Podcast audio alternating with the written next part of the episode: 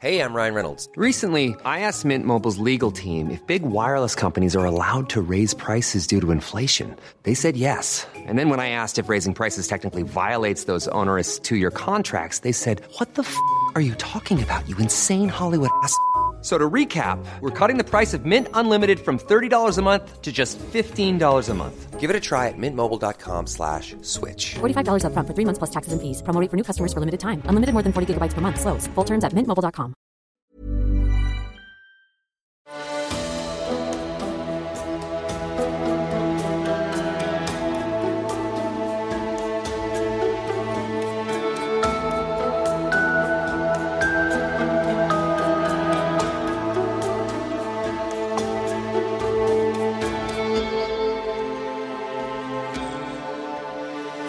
Velkommen til Seriemorderpodden, podkasten dedikert til seriemordere. Hvem de var, hva de gjorde og hvordan. Jeg heter Thomas Rosseland Wiborg Tune, og i kveld nærmer vi oss Kansas City-slakterens endelikt. Hans fortelling er ekstremt brutal, og jeg minner om at også i denne episoden blir det grafiske beskrivelser av ubegripelig grusom vold, tortur og mord.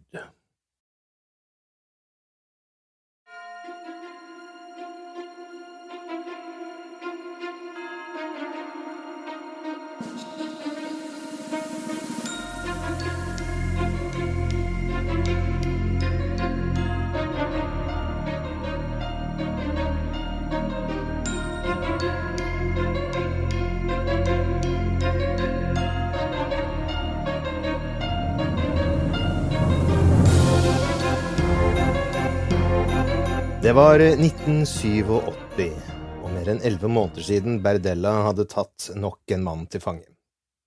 Livet i løpet av denne tiden hadde forløpt relativt normalt, og Berdella fortsatte å benytte seg av unge prostituerte, men hadde ikke funnet noen han mente var verdt å holde som fange. I juni 1987, elleve måneder etter Todd Stoops grusomme død, var Berdella på vei til Ohio for å besøke familien sin da han ble oppringt fra Larry Pearson. Larry var en ung, ofte hjemløs mann som han hadde kjent i flere år. Pearson hadde blitt arrestert for usømmelig eksponering etter å ha blottet seg for forbipasserende biler, og ble holdt i en fengselscelle i Kansas City. Kausjonen hans var satt til 150 dollar, og han ville vite om Berdella kunne låne ham pengene slik at han kunne komme seg ut av fengsel. Berdella hadde alltid likt Pearson, som var høflig og lavmælt. Selv om han hadde latt den unge mannen bo hjemme flere ganger i løpet av årene, hadde de to mennene aldri hatt et seksuelt forhold. Berdella gikk med på å betale kausjonen på én betingelse – at Pearson gikk med på å bli med ham til Ohio for å møte familien. Stilt overfor enten å tilbringe den neste overskuelige fremtiden i fengsel eller ta en biltur med Berdella, samtykket Pearson lett, og de to mennene tilbrakte den neste uken sammen før de returnerte hjem til Kansas City. De neste to ukene sov Pearson på sofaen til Berdella og viste liten interesse for å få jobb eller hjelpe til rundt huset, noe som gjorde Berdella rasende. På vei hjem fra et kinobesøk kjørte de forbi noen unge prostituerte som sto på et gatehjørne, og Persen lo av hvordan han og vennene hans pleide å banke opp unge homofile for moro skyld. Mens Persen skrøt av handlingene sine, kjente Berdella at raseriet inni ham begynte å vokse, og han visste hva han kom til å gjøre. Hele neste dag drakk Berdella og Persen tungt, og Persen svimte av rundt klokken 18.30. Persen var en større mann enn de andre hadde vært, og å bære ham opp trappene visste Berdella kom til å være for vanskelig. Så i stedet bestemte han seg for å rydde et område i kjelleren, hvor han kunne holde sitt nye offer fanget. Han injiserte Pearson med flere beroligende midler for å sikre at han ikke skulle våkne, og dro ham ned trappene der han bandt ham stramt med pianotråd for å sikre at han ikke skulle rømme. Deretter injiserte han halsen med avløpsrens for å skade taleboksen, noe han hadde lært gjennom sin tortur av Todd Stoops. Det var en effektiv måte å redusere ofrenes evne til å hyle av smerte. I de neste fem dagene utholdt Pearson elektrotortur, injeksjoner, smertefull akupunktur med sprøyter, og han ble kontinuerlig voldtatt. For det meste forble Pearson halvbevisst og ytte lite motstand mot Berdellas seksuelle overgrep. Berdella hadde forklart reglene til Pearson, at han bare skulle snakke når han ble snakket til, og at han ikke måtte motsette seg sex. Hvis han ikke fulgte reglene, kom han til å bli hardt straffet. En morgen begynte Pearson å rope om hjelp, og da Berdella kom ned i kjelleren, slo han på strømtransformatoren og torturerte mannen med lange anfall av elektriske støt mot testiklene. Smerten av et slikt overgrep er vanskelig å forestille seg. Noen av mine kjære mannlige lyttere har kanskje opplevd å få et spark eller slag mot testiklene sine, og vet da godt hvordan selv et lett slag eller støt mot familiejuvelene er svært ubehagelig. Gang denne smerten opp med noen tusen, så kan man kanskje begynne å innse hvilken ekstrem smerte Bredella utsatte Pearson for. Etter hvert som dagene gikk, ble det etablert en daglig rutine. Hver morgen kom Berdella ned i kjelleren og voldtok Pearson, etterfulgt av en stor injeksjon med beroligende midler, før Berdella dro på jobb. Da han kom hjem før middag, begynte Berdella å angripe Pearson med en rekke metoder som vanligvis var utformet for å hindre ham i å rømme. Han brukte en jernstang til å hamre i stykker fingrene på fangen sin, og sprøytet mer avløpsrens i halsen alt en del av strategien for å holde Pearson som hans langsiktige sexslave. Etter den første uken flyttet Berdella en madrass ned i kjelleren, da han oppdaget at sex med mannen var for ubehagelig på det kalde sementgulvet. Pearson ble mer og mer samarbeidsvillig, og Berdella fortalte ham at han kom til å bli hans sexslave, og hvis han ikke kjempet tilbake og gjorde som han ble fortalt, ville han bli belønnet. Det var da Pearson ble fortalt at fra da av skulle han kalle Berdella for Mester Bob. Pearson hadde blitt holdt fanget i nesten tre uker da Berdella bestemte seg for å flytte ham opp til soverommet i annen etasje, hvor han hadde holdt de andre mennene fastbundet.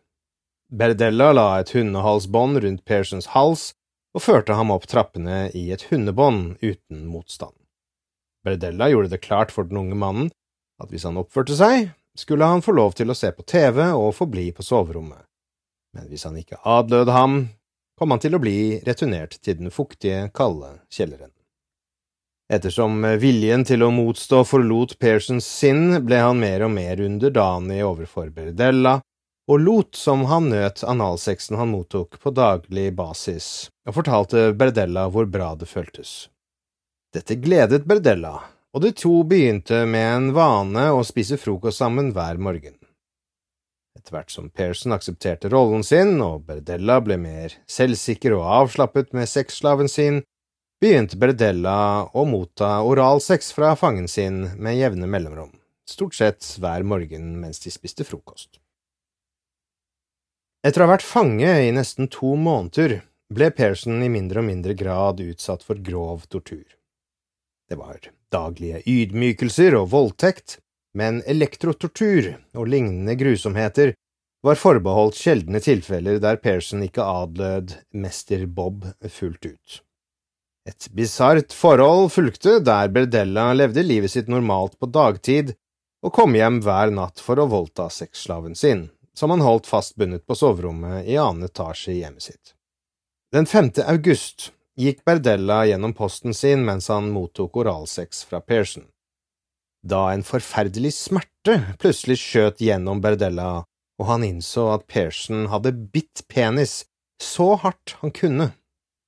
Rasende tok Berdella opp en stor trepinne og fortalte Pearson at han skulle få føle hvordan det var, og begynte å slå mannen på ryggen, hodet, ansiktet og ribbeina til Pearson mistet bevisstheten.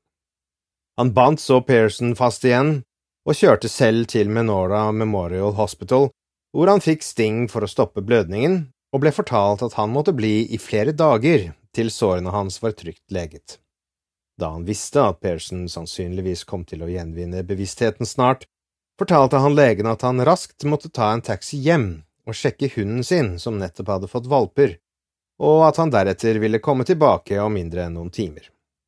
Da Berdella kom hjem, fant han Pearson fortsatt pustende, men bevisstløs, med alvorlige blåmerker og røde merker over hele kroppen etter julingen han hadde mottatt.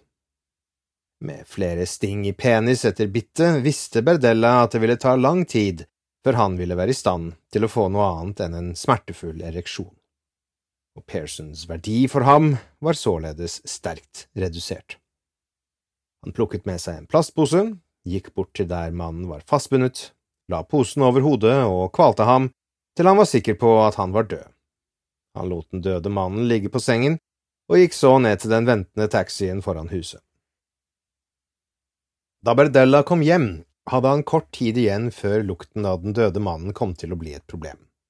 Til tross for at han var ganske sliten etter å ha fått penis operert og et kateter fortsatt satt inn i blæren, dro han Pearson ned i kjelleren, hvor han startet oppskjæringsprosessen. Svak og fortsatt med betydelige smerter, klarte Berdella bare å jobbe med en del av liket ad gangen, før han måtte hvile seg, og det tok to dager å kutte opp alle bitene helt og pakke dem inn i plast. Fordi han var så svak, brukte han motorsagen mer enn han hadde gjort tidligere for å skjære gjennom knoklene.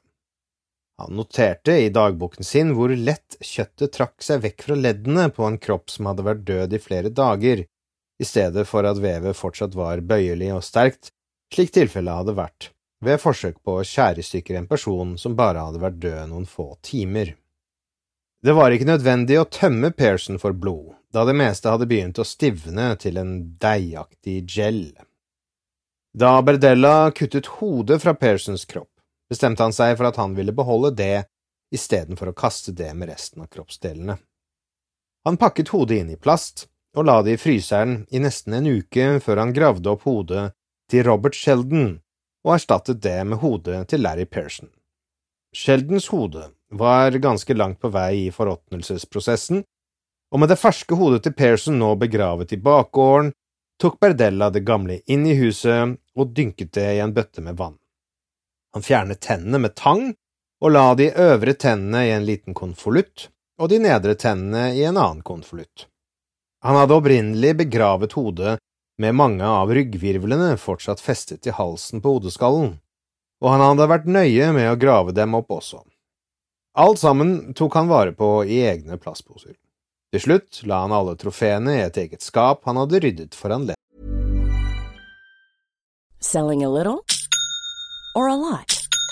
Shopify helps you do your thing however you cha-ching. Shopify is the global commerce platform that helps you sell at every stage of your business. From the launch your online shop stage to the first real life store stage, all the way to the did we just hit a million orders stage.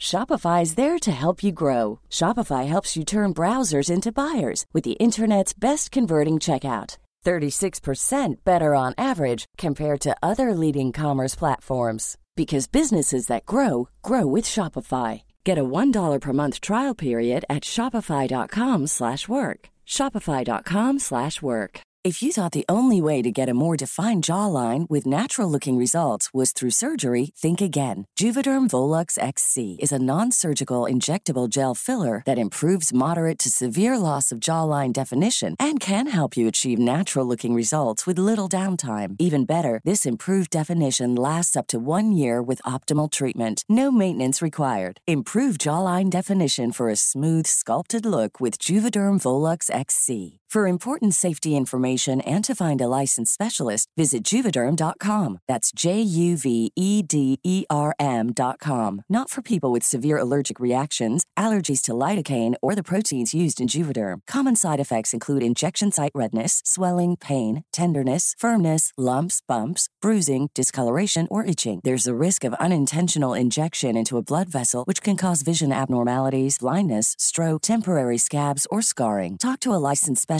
to find out if it's right for you.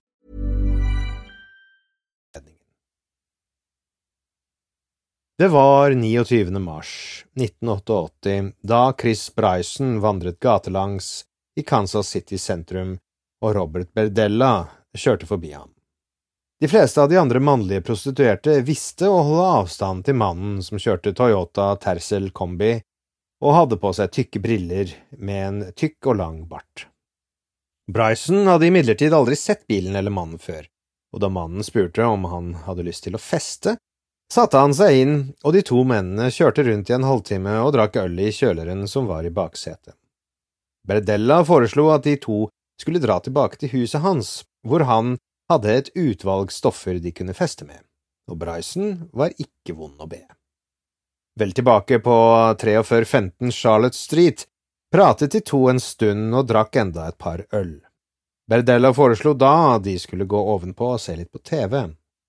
Da Bryson gikk opp trappene, plukket Berdella opp et to fots jernrør og slo ham svært hardt i bakhodet slik at han falt om. Han falt med ansiktet først ned på trappen, deretter tok Berdella raskt og injiserte ham med en stor dose narkotika som førte til umiddelbar bevisstløshet. Dette hadde blitt en gammel vane for Berdella, som så dro mannen til badet og begynte å kle av ham, mens han tok rikelig med polaroidbilder av den nye fangen i forskjellige stillinger. Deretter plukket han opp Bryson og bar han til soverommet hvor han bandt ham til sengerammen slik han hadde gjort så mange ganger før. Det hadde gått over ni måneder siden hans siste i anførselstegn gjest, og han var ivrig etter å igjen voldta, torturere og selvfølgelig myrde. Like før klokken åtte begynte Bryson å gjenvinne bevissthet og prøvde å skrike, men han klarte ikke å skrike så veldig høyt med munnen godt kneblet igjen og knebelet holdt på plass med pianotråd. Berdella så ned på ham og tok den pekende pekefingeren sin og stakk Bryson hardt i høyre øye gjentatte ganger. Med hendene bundet bak ryggen og kneblet i munnen kunne den unge mannen ikke gjøre noe for å stoppe overfallet. Berdella tok deretter en bomullsdott, dryppende med blekemiddel, og holdt Brysons øyne åpne og dynket øyeeplene hans, noe som fikk mannen til å riste voldsomt av den ekstreme, sviende smerten. Berdella var nå en ekspert på tortur, og gjennom sin erfaring visste han både hva han likte, og hva som påførte mest smerte. Det var ingen nøling eller ettertanke nødvendig. Berdella visste at han ønsket å få den nye fangen inn i en stilling der han var og viste total underkastelse. Og det betydde jo at jo før Bryson innså at han aldri kom til å forlate dette stedet og akseptere skjebnen sin, jo raskere kom han til å underkaste seg hans seksuelle krav. Berdella tok den samme stålstangen som han hadde slått Bryson over hodet med, og begynte å knuse hendene hans, som fortsatt var bundet til sengestolpen. Han brakk flere ledd og forårsaket utrolig smerte for fangen, som fortsatt prøvde å vri seg vekk, og som ikke forsto hva i all verden som foregikk. Berdella festet deretter et tungt sett med elektriske klips til testiklene til Bryson og skrudde på strømmen, noe som førte til at kroppen hans stivnet i spasmer og ramlet delvis ut av sengen. Hele tiden tok Berdella bilde etter bilde av torturen og reaksjonen til fangen sin. Metodene hans var blitt metodiske og spesifikke, og han gjorde hyppige notater i notatblokken sin mens han påførte mannen hvert nytt trinn med smerte. Elektrotortur, juling, kanylinjeksjoner, blekemiddel i øynene hans, det hele var en del av prosessen som Bredella hadde, i egne øyne, perfeksjonert. Nok en gang, som han hadde gjort tidligere, injiserte han mannens hals med avløpsrens nær stemmebåndene. Deretter snudde han Bryson og begynte å voldta ham analt, og presset voldsomt dypt inn i den tilbakeholdne unge mannen som ikke kunne yte motstand mot ham. Da han var ferdig, begynte han å forklare reglene til sin nye gjest. Han fortalte ham at han bare skulle snakke når han ble stilt et spørsmål, og at for at han skulle overleve, måtte han adlyde alle krav og ikke slå tilbake på noe tidspunkt. Ellers kom han til å bli straffet hardt og ført ned til kjelleren. Samme kveld begynte de to mennene å snakke, og Bredella fikk vite at Bryson var 21 år, gift og hadde en sønn hjemme. Berdella advarte ham mot å prøve å rømme og sa at hvis han noen gang prøvde å bite ham, kom han til å fjerne alle tennene med tang uten smertestillende eller beroligende midler. Hvis han prøvde å slå ham, kom han til å brekke armene og ikke sette dem riktig slik at han ikke ville være i stand til å bruke dem igjen etterpå. Og hvis han prøvde å rømme på noen måte, skulle han bli matet til sine ondskapsfulle hunder som patruljerte bakgården. Etter hvert som dagene smeltet sammen fra den ene til den neste, satte han et tungt hundehalsbånd i skinn rundt Brysons hals og festet et hundebånd til det som skulle tillate ham å kontrollere ham når han skulle ta Bryson med på do. Merdella snakket kontinuerlig om reglene som Bryson måtte følge. Han viste ham bilder av de andre mennene han hadde tatt, og fortalte at de alle hadde dødd fordi de ikke ville følge reglene, og at han ikke kom til å nøle med å drepe han også. Hvis han oppførte seg, ville han bli belønnet med fordeler. Snart var en rutine på plass der Berdella krevde å ha analsex med Bryson før han dro på jobb, og deretter bandt han ham godt til sengs for å sikre at han ikke ville være i stand til å komme seg fri eller rømme. Deretter stappet han en vaskeklut i munnen og bandt den til hodet med en lang pianotråd som kuttet seg inn i kinnene og leppene hans hvis Bryson strevde og prøvde å få kluten ut. Til slutt, rett før han dro på jobb, skrudde han opp volumet til fjernsynet slik at ingen nabo kunne høre ham prøve å rope. En kveld tok Berdella med seg flere sigarettpakker, et halvt dusin pakker med polaroidfilm og noen filmer å se. Han tvang Bryson til å posere som en motemodell og tok en rekke bilder før han igjen ble tvunget til å ha sex med ham gjentatte ganger. Neste morgen, etter morgenritualet som innebar anal voldtekt, spurte Bryson Berdella om det ville være mulig å ikke binde hendene hans over hodet, da det kuttet sirkulasjonen til armene og var ekstremt ubehagelig. Berdella gikk med på det, og de neste to dagene på rad bandt han ham med hendene bundet til et tau rundt bena. Bryson innså at hvis han jobbet med det, kunne han få tauene rundt håndleddene fri, men han var livredd ved tanken på at Berdella oppdaget at han prøvde å komme seg fri. Fire dager var gått siden han ble tatt til fange, og det var nå lørdag. Etter morgensexritualet ventet Bryson til han var sikker på at Berdella var borte, og begynte deretter å jobbe tauene av håndleddene sine. I løpet av 20 minutter hadde han hendene fri og var i stand til å fjerne kneblet fra munnen. Da han prøvde å få løst opp knutene rundt anklene, forsto han at tauet var for stramt, og at det kunne ta timer å få dem løs. I stedet fant han fyrstikker på nattbordet og brukte dem til å brenne gjennom tauet til han til slutt var fri. Da han reiste seg, slet han med å holde balansen. Han visste ikke hvor klærne hans var, og visste at han kanskje bare hadde noen minutter på å rømme. Han snublet bort til vinduet og åpnet det nok til å kunne klatre igjennom. Han befant seg i annen etasje, og det skarpe sollyset brant på de hovne, røde øynene hans mens han myste for å prøve å få oversikt over omgivelsene. Han posisjonerte seg på kanten, hoppet og landet tungt, brakk et ben i foten. Han kjempet seg på bena og snublet ned fortauet til hovedgaten, hvor han gikk desorientert nedover veien, kav naken bortsett fra hundehalsbåndet rundt halsen, med båndet fortsatt dinglende. En parkeringsvakt som gikk langs fortauet, var den første som så den nakne mannen, tydelig forslått, haltende og mørbanket med hovne, røde øyne. Bryson skrek om hjelp og slet med å snakke som følge av avløpsrensen som fortsatt var i taleboksen hans men var i stand til å fortelle mannen at han hadde blitt holdt fanget av en, og her siterer jeg, gal jævel i det huset der. Sitat slutt. Han pekte på 4315 Charlotte Street. Parkeringsvakten hjalp Bryson til inngangsdøren til et hus lenger ned i gaten, eid av Felix Duran jr., og ba ham ringe politiet umiddelbart.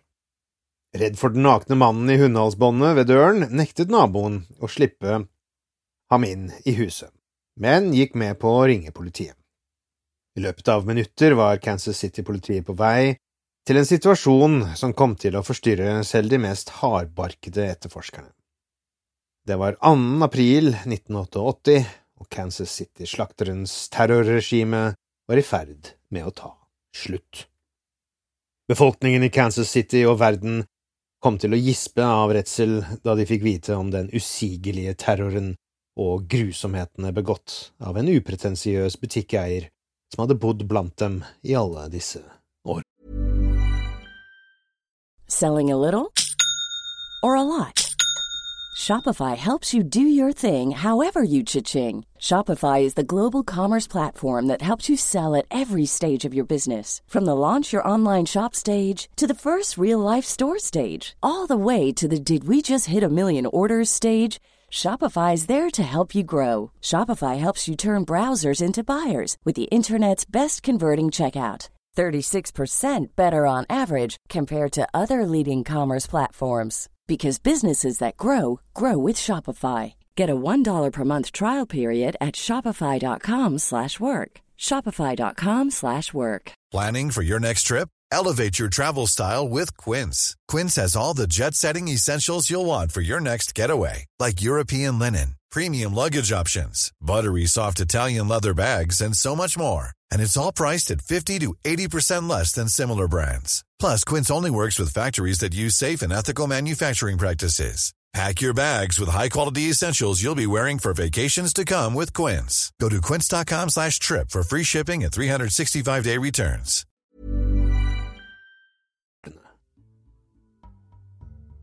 Og med det, kjære lytter, kommer vi til slutten av del fire i sagaen om Robert Berdella.